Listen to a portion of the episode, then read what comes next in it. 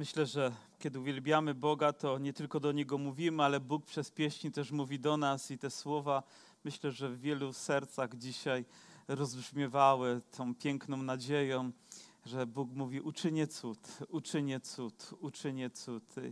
I nieraz w historii czytamy, że gdy Ewangelia była zwiastowana, a serca ludzi były otwarte, Bóg dokonywał cudu. Cudu zbawienia, cudu uzdrowienia, cudu odnowienia cudu wskrzeszenia z martwych. Dla Niego nie ma rzeczy niemożliwych i chwała Mu za to. Dzisiaj, e, uwielbiając Boga, wzniosłem też taką osobistą modlitwę i, i dotyczącą dzisiejszego zwiastowania. Mówię, Panie, proszę strzeż dzisiaj moich ust, moich myśli, abym nie wyszedł poza kontekst Twojego nauczania, ponad to, co Ty chcesz powiedzieć do Kościoła dzisiaj w Dąbrowie Górniczej, do, do mojego serca, do serca tutaj zebranych, każdej siostry, każdego brata. Panie, strzeż nas, by nic ponad Twoją naukę, nic z takiej tylko wyobraźni, fantazji pastorskiej nie, nie przedostało się, ponieważ to, co mówi Jezus, jest tak precyzyjne. Jak słowo nas uczy, jest to jak miecz, który wnika do naszego serca i są to jest to miecz, który ma dwa ostrze, jakby oddzielając to, co złe, a też wynosząc to, co uzdrowieńcze i dobre do naszego, do naszego życia. Dzisiaj będziemy rozpatrywać słowo z Księgi Objawienia, z rozdziału trzeciego i, i, fragment, który będziemy czytać, zatytułowany List do zborów Sardes. Ale my dobrze wiemy, że ten list jest zatytułowany tak, ale on jest skierowany i dzisiaj do Kościoła. Jest skierowany do nas tutaj w Dąbrowie Górniczej i z taką też ufnością będziemy ten fragment i ten, ten fragment Bożego Słowa rozpatrywać i przyjmować do naszego, do naszego życia. Słowo nie jest łatwe. Są takie listy, które przyjmujemy, jak za, za tydzień, za tydzień będziemy rozpatrywać. O, naprawdę, któż by nie chciał się nazywać zborem Filadelfia, ale jeszcze nie spotkałem ani jednego zboru, który nazywałby się Sardes. Ani jednego. Możecie wpisać w Google, gdzie chcecie, szukać na mapach, ale nie ma takiego zboru, który chciałby się nazywać Sardes. Dlaczego? Bo słowa, które tam padają, nie są łatwe do przyjęcia, bo tematy są ciężkie, ale zawsze wiemy, że gdy Bóg mówi, to Jego słowo powinno być respektowane, ponieważ ono ma podnosić nas też, ono ma, nas wyzwalać.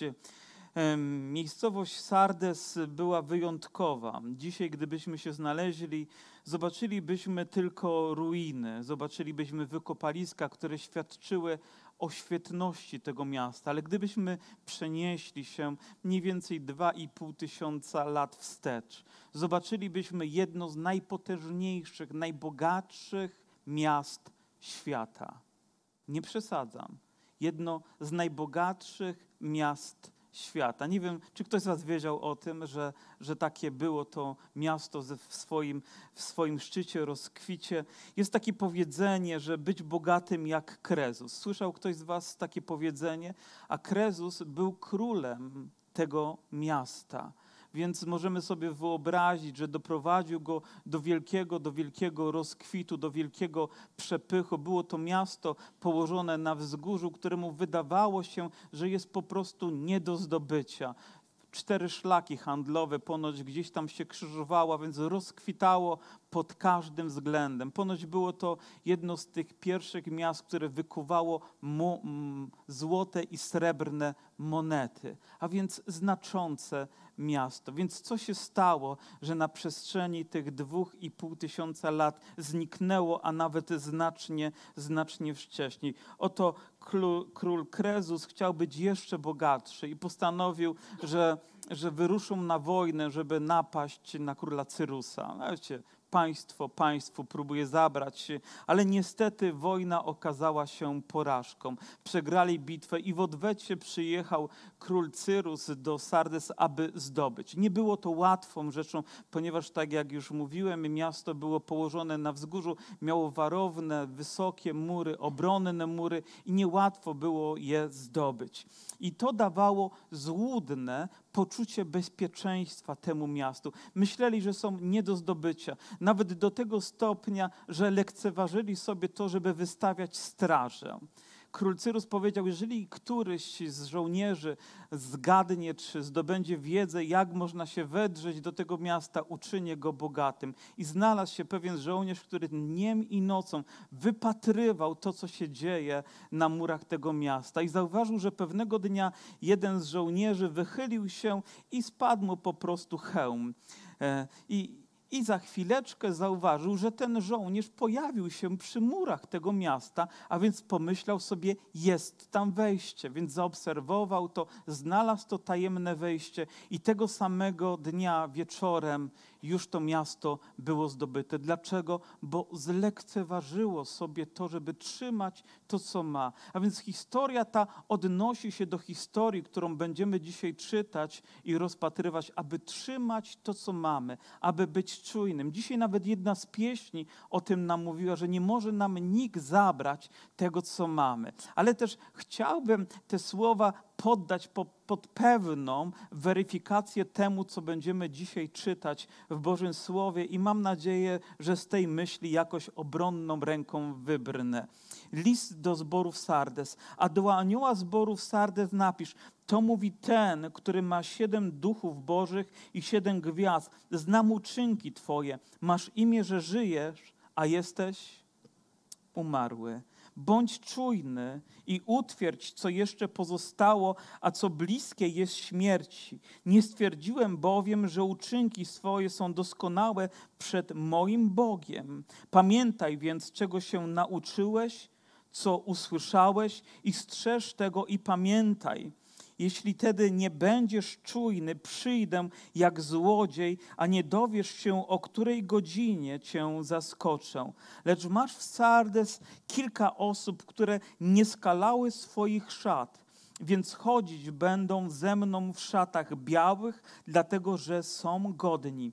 Zwycięzca zostanie przyobleczony w szaty białe i nie wymarzę imienia Jego z księgi żywota i wyznam imię Jego przed moim Ojcem i przed Jego aniołami. Kto ma uszy, niechaj słucha, co Duch mówi do zborów. Nawet czytając tylko ten fragment i nie zagłębiając się w jego treść, już widzimy tą wagę słów, które wydobywają się z ust Pana Jezusa, by dotknąć tego kościoła. Bardzo bym chciał, żebyśmy mówili o jakimś tam dalekim kościele, ale wiemy, że jeżeli Bóg posyła to słowo, to jakaś część tego słowa dotyczy mnie, dotyczy zboru, dotyczy naszego funkcjonowania i naszej postawy. Myślę, że nawet co roku niemal każdy kościół powinien sobie zrobić takie badanie, śledząc wszystkie te listy i odszukując to, co jest dla nas i naprawiając to albo to, co dobre, jeszcze umacniając tak, aby chwałę, całą chwałę miał Jezus Chrystus. Amen. Ktoś kiedyś powiedział na temat zborów Sardes tak, że w Sardes jak nigdzie indziej jaskrawo zauważało się kontrast między chwalebną przeszłością a teraźniejszym upadkiem.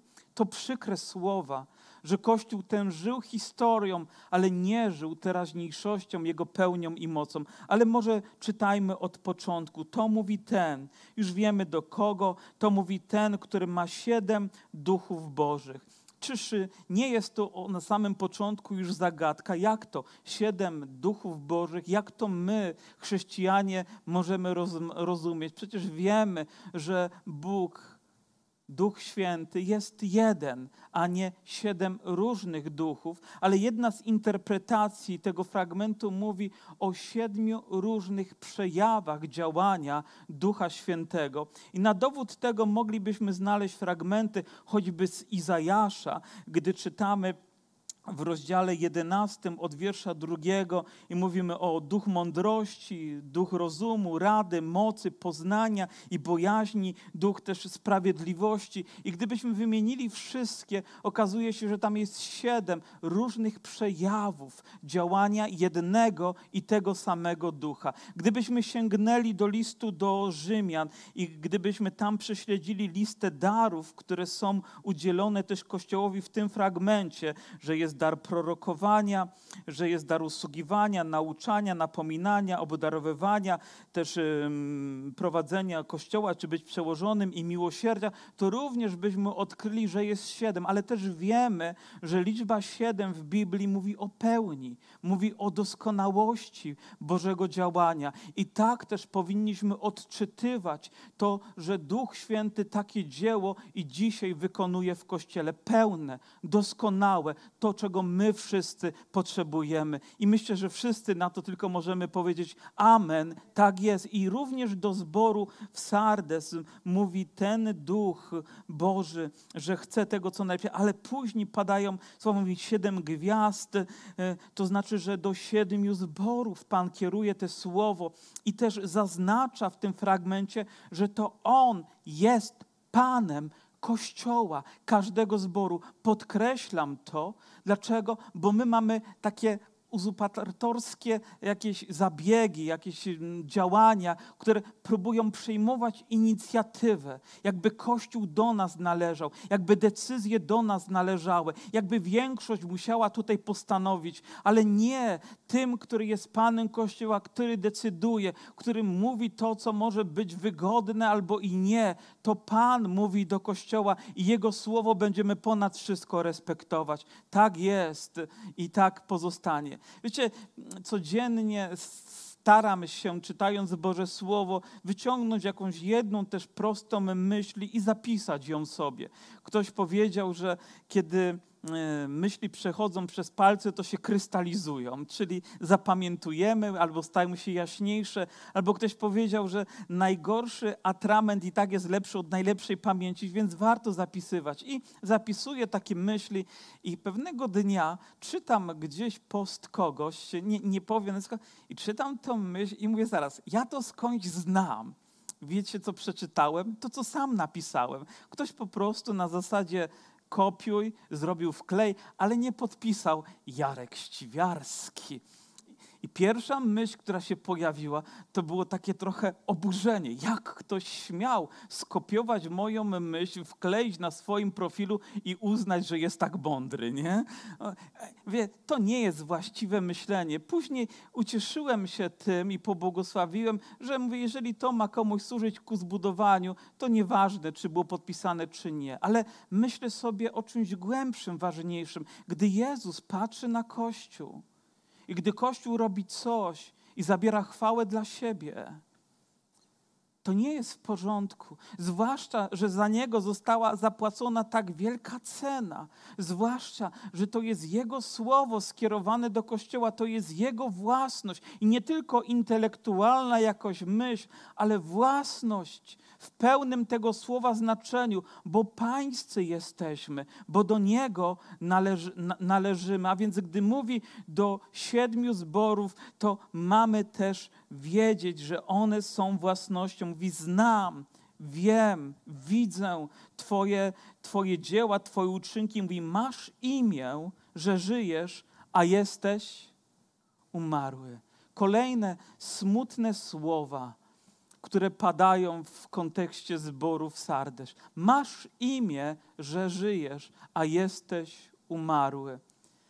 My, jako ludzie wierzący, nazywamy się chrześcijanami ponieważ należymy do Jezusa Chrystusa, ponieważ On jest Panem. Tak zostali w Antiochii nazwani pierwsi chrześcijanie z powodu wiary w Jezusa, dlatego że to imię było wyryte w każdej ich myśli, w każdym czynie. On jakby o niczym innym, tylko o Jezusie, o Jezusie. I w końcu powiedział: Wy jesteście chrześcijanie, czyli Chrystusowcy, należący do Chrystusa. I to nawet nie było takie ładne nazwanie, tylko jakby trochę przezwanie ich poprzez imię Jezusa, ale to utożsamiało ich z tym, który był ich Panem i który umarł, ale zmartwychwstał i żyje.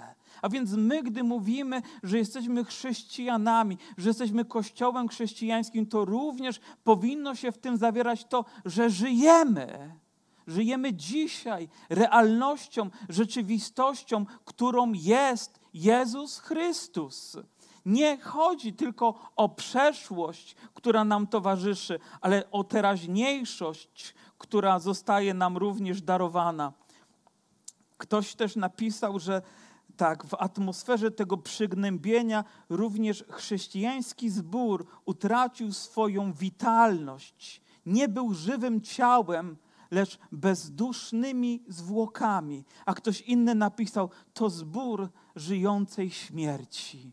Zbór żyjącej śmierci ma imię, że żyje, ale to, co robi, świadczy tylko o tym, że że wypełnia jakąś liturgię, że, że obrzędy są wykonywane, ale nie ma tam życia, nie ma tam miłości, nie ma tam pasji, nie ma tam gorliwości w modlitwach, nie ma tam życia poświęconego i oddanego Bogu, nie ma tam misjonarzy, którzy się rodzą, aby jechać na świat, ludzie, którzy podejmują służbę. Ten zbór stał się martwy. Smutną rzeczą dzisiaj jest to, że każdego dnia niemal gdzieś w Europie są zbory, są kościoły, w zasadzie w tym znaczeniu też budynki, gdzie zakłada się kłódkę i mówi się zamknięte. Dlaczego? Bo już nie ma wiernych, zbór obumarł, nie ma tam życia. To smutne. Dzięki Bogu są też miejsca, kiedy, kiedy powstają zbory, kiedy nowe się tworzą i chwała Bogu za to, że takie rzeczy również mają miejsce, ale masz imię, że żyjesz, ale jesteś umarły. Jest to tylko powłoka. Nawet sobie tak pomyślałem, powiem, kiedy człowiek umiera? Kiedy? Czy wtedy, kiedy przestaje bić serce? Nie, w tym momencie jeszcze nie. Serce może się zatrzymać na pewien czas, ale człowiek jeszcze ma pewne funkcje życiowe, jeszcze parametry życiowe są w nim i nawet można przywrócić funkcjonowanie serca. Kiedy umrze też umysł. Ale wyobraźcie sobie, że oto serce przestaje bić. Jakby zaangażowanie krew przestaje krążyć. Pozostaje myśl, pozostaje suchy intelekt, ale nie ma tam już życia. To tylko kwestia czasu, kiedy ten organizm zostanie uznany za martwy. Być może w takim momencie właśnie znalazł się zbór w Sardes, kiedy serce przestało bić tego zboru ale jeszcze te parametry są sztucznie niemal utrzymywane, ale nie ma tam pełni życia. Kiedy widzimy Boże dziecko, które zostało zrodzone przez Boże Słowo z mocy Ducha Świętego, to również to, co chcemy zobaczyć, to życie, to życie, które tam jest. Słyszałem kiedyś, myślę, że to jest wymyślona historia i mam nadzieję, jak trzech mężczyzn się spotkało i mówią, co, co chcieliby, żeby powiedziano po ich śmierci, kiedy już będą żegnani. Ktoś mówi, o, bardzo bym chciał, żeby rodzina powiedziała, jak wspaniałym byłem ojcem, mężem i może bratem, przyjacielem. Ktoś inny powiedział, o, chciałbym powiedzieć, jakie sukcesy odniosłem, jakie byłem wspaniałym pracownikiem, ile dobra e, wniosłem w naszą firmę. A ktoś inny powiedział, a ja bym chciał, żeby ktoś powiedział, zobaczcie, on się jeszcze rusza. On się jeszcze rusza. Wiecie, chciałbym zobaczyć Kościół, który żyje, który reaguje, którego ścięgna funkcjonują. Nie jest jak dolina wyschniętych kości, ale jest pełen życia i chwały dla Boga. I Bóg chciał właśnie takim widzieć swój Kościół w Sardes i takim chce widzieć moje i Twoje życie wypełnione Jego obecnością, Jego chwalebnością i mocą. Amen. I takiego życia Bóg pragnie dla każdego z nas i dla całego Kościoła. I dlatego mówi: bądź czujny i utwierdź, co jeszcze pozostało, a co bliskie jest śmierci. Stajesz w niebezpiecznym momencie. Nie stwierdziłem bowiem, że uczynki Twoje są doskonałe przed przed moim Bogiem. Zwróćcie uwagę, że w odróżnieniu od tych poprzednich listów nie mamy tutaj prześladowania. Nie czytamy o tym, żeby zagrażało im jakieś niebezpieczeństwo, że wróg już puka do bram. Nie widzimy też jakiejś herezji, która by miała miejsce tutaj. Wiecie, może gdyby nawet jakaś fałszywa nauka się wdała, to może jakieś ożywienie by było, bo ludzie by przynajmniej jakoś dyskutowali. Ale nie, oni stali się jak, jak mumia po prostu. Powiem, mają imię, że żyją, ale nie żyją. Nie ma żadnego powodu, nie ma żadnego zagrożenia. I tak właśnie myślę, że jest ktoś, kto chciałby uśpić naszą czujność, kto chciałby wygasić wszystkie te dziedziny życia w Kościele, które powinny funkcjonować dla chwały Boga. My jesteś bliski, jesteś bliski jakiegoś momentu. Wiecie, nie chciałbym, by to słowo było prorocze dla kogoś z nas, ale może takim jest. Może ktoś znalazł się na krawędzi jakiegoś niebezpieczeństwa, może pokusa, może grzech już czyha, bo to, co sprawia, że funkcje życiowe przestają też funkcjonować, to grzech, który oddziela nas od Boga, to grzech, który zabija cały owoc Ducha Świętego. To tak, jakby ktoś, nie wiem, jakiś jakiś preparat wylał na nasze życie, który powoduje, że zaczynamy obumierać. Nie, musimy być czujni, musimy uważać, musimy strzec tego, co otrzymaliśmy od Boga. I dlatego też mówi: Pamiętaj więc, czego się nauczyłeś i co usłyszałeś, i strzeż tego i upamiętaj się. A jeśli kiedy, a jeśli tedy nie będziesz czujny, przyjdę jak złodziej a nie dowiesz się, o której godzinie cię zaskoczę. Ktoś chce zabrać wszystkie biblijne prawdy, wszystkie biblijne obietnice, które są dla Kościoła. Kiedyś rozmawiałem z jakimś chrześcijaninem, człowiekiem, który się uwa uważał, że chrześcijanina, rozmawialiśmy o Bożym Słowie, ale mówi, ale, ale mówi, wiesz co, ale musisz uważać, bo, bo nie możemy tak wszystkiego dosłownie przyjmować. Wiecie, no skończyłem też trochę szkoły biblijnej, więc wiemy, w jaki sposób należy też interpretować Boże Słowo, przynajmniej mam taką nadzieję, ale wiem też, że są obietnice, które po prostu przyjmujemy tak i amen i nie powinniśmy pozwolić, by ktokolwiek nas z nich okradł. Mówimy, nikt nie może nam zabrać tego, co mamy w Tobie.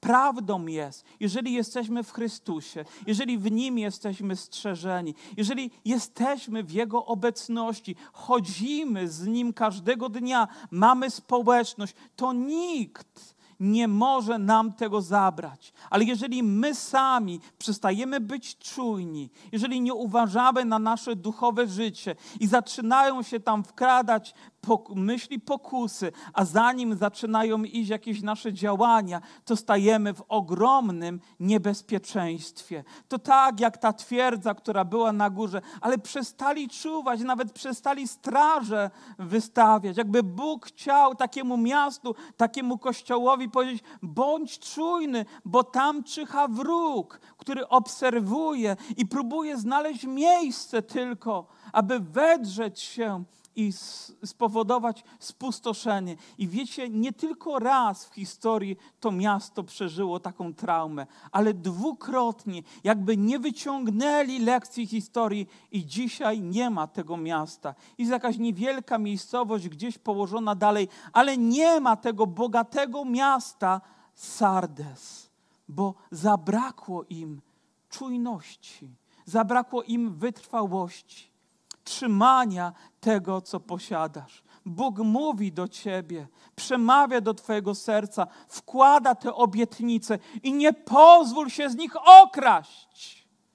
Nie pozwól, by jakiekolwiek niepowodzenie, zła myśl, pierwsze potknięcie zabrało ci to, co masz w Bogu. O, Bóg już mnie nie kocha, Bóg mnie nie wysłuchuje, bo ta rzecz ma miejsce, ta została dopuszczona i nagle tragedia się rozwiązała. Nie pozwól sobie zabrać, bądź czujny. Wiecie, bardziej niż czegokolwiek innego ponad wszystko, ponad wszystko, bardziej niż tego, co na zewnątrz nam zagraża, powinniśmy strzec naszych serc.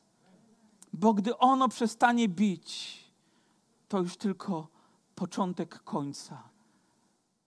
Więc bliski może ktoś być takiej sytuacji, ale Bóg jeszcze ma nadzieję. I słowa, które dalej kieruje do tego kościoła, są mi również dla nas ważne. Lecz masz w Sardes kilka osób. Wiecie, smutno byłoby mi dzisiaj myśleć o tym, że nawet z takiego niewielkiego zgromadzenia, nie wiemy jak duży był to zbór, ale kilka, to nawet nie kilkanaście, to nie kilkadziesiąt, to nie kilkaset, to nie kilka tysięcy, ale zaledwie kilka osób, które zachowało wiarę, zachowało czujność, zachowało wytrwałość w Panu, było w tym zborze. Było jego trzonem, było jego filarem, było jego nadzieją.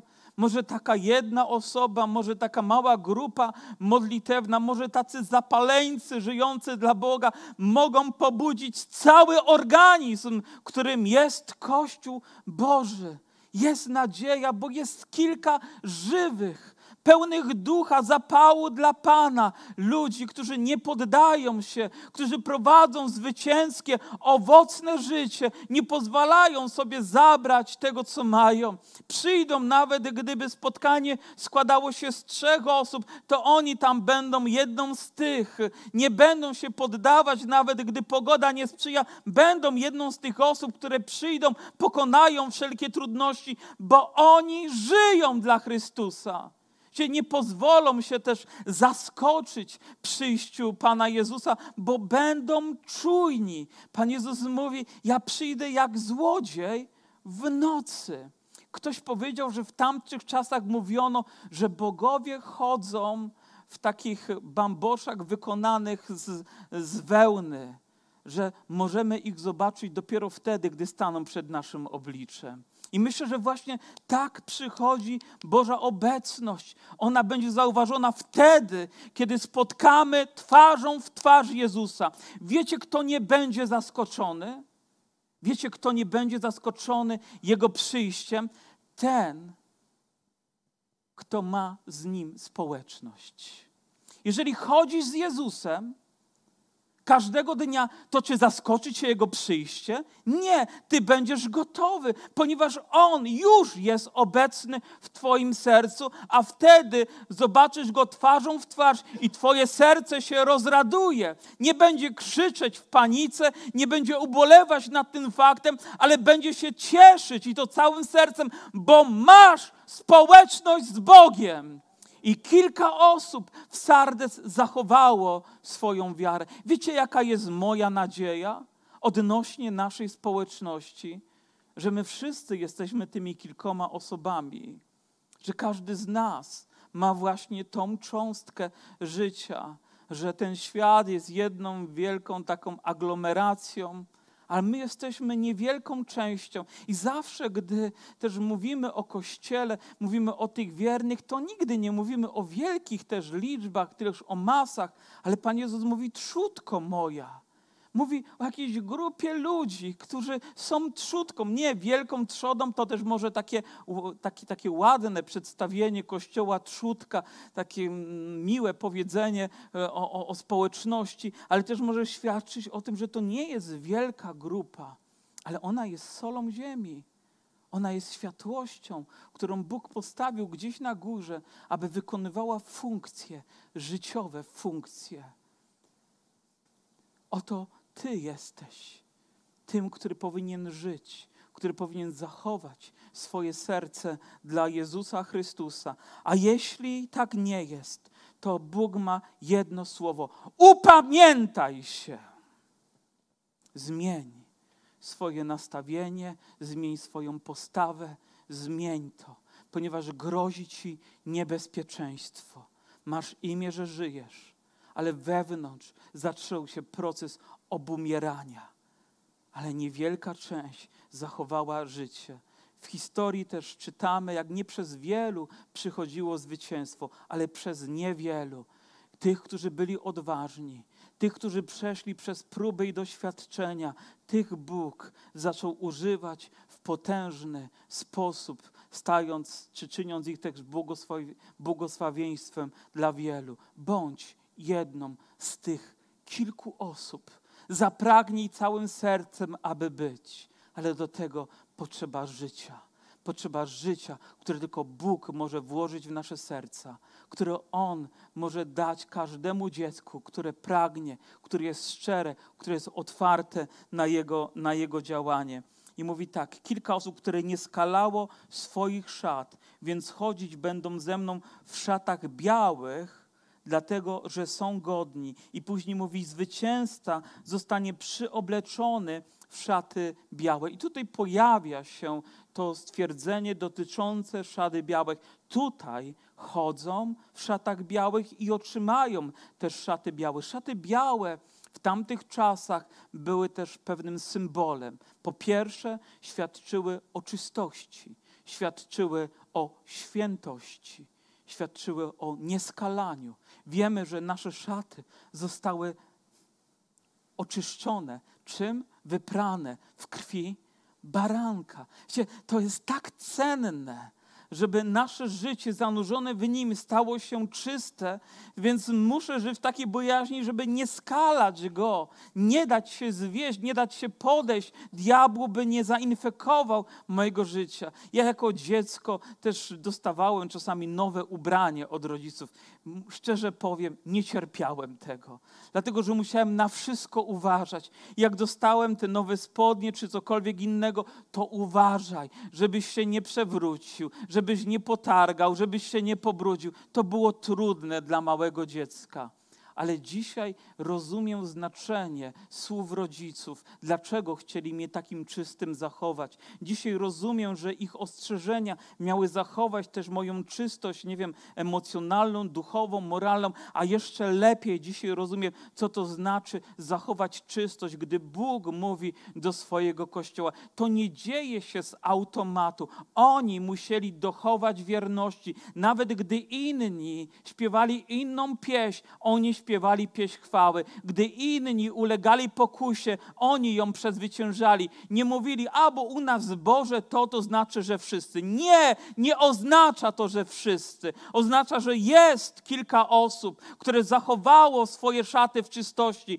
w świętości. Wiecie, szata biała również oznaczała szatę taką weselną, szatę mm, uczty, czy, czy jakiego, jakiegoś wydarzenia, święta, na którym mogliśmy się pojawić tylko w białych szatach. I każdy z nas został zaproszony na wesele baranka. Wiecie, jaka szata będzie obowiązywać? Już wiecie, jaka będzie obowiązywać. Nie można tam w inny sposób. Musimy być przyobleczeni, a nie zewleczeni w tą białą, świętą szatę. I wiecie, co jeszcze oznaczała szata biała? Zwycięstwo Ponoć w tamtych czasach, gdy, gdy wracano z wojny, gdy generałowie i tam inni ludzie odnosili zwycięstwo, byli przyobleczeni też również w szaty białe. W odróżnieniu od wszystkich innych, oni jaśnieli w słońcu, w blasku, byli jakby wzorem dla innych ludzi, a też w ten sposób byli docenieni za trud,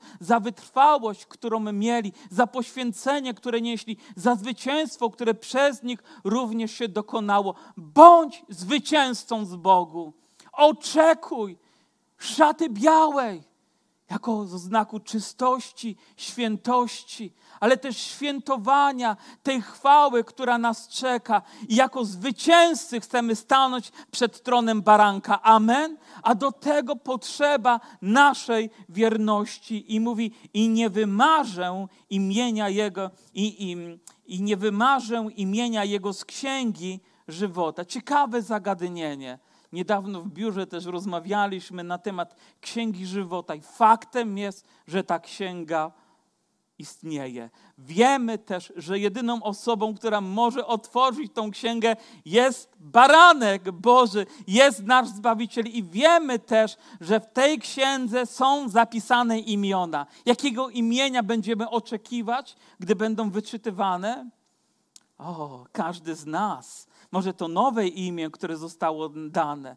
Pytanie, kiedy ono tam jest umieszczone. I tutaj jest pewna dyskusja. Czy to oznacza, że od zarania dziejów już wszystkie tam e, imiona zostały umieszczone, a później są wymazywane w związku z tym, że nie uwierzyliśmy, że nie oddaliśmy życia Panu Jezusowi. Inni mówią, że w dniu, kiedy rodzisz się na nowo, to również Twoje imię jest zapisane w Księdze Żywota. Ale faktem jest, że każdy, kto jest narodzony na nowo, może mieć tą pewność, że imię Jego tam się znalazło.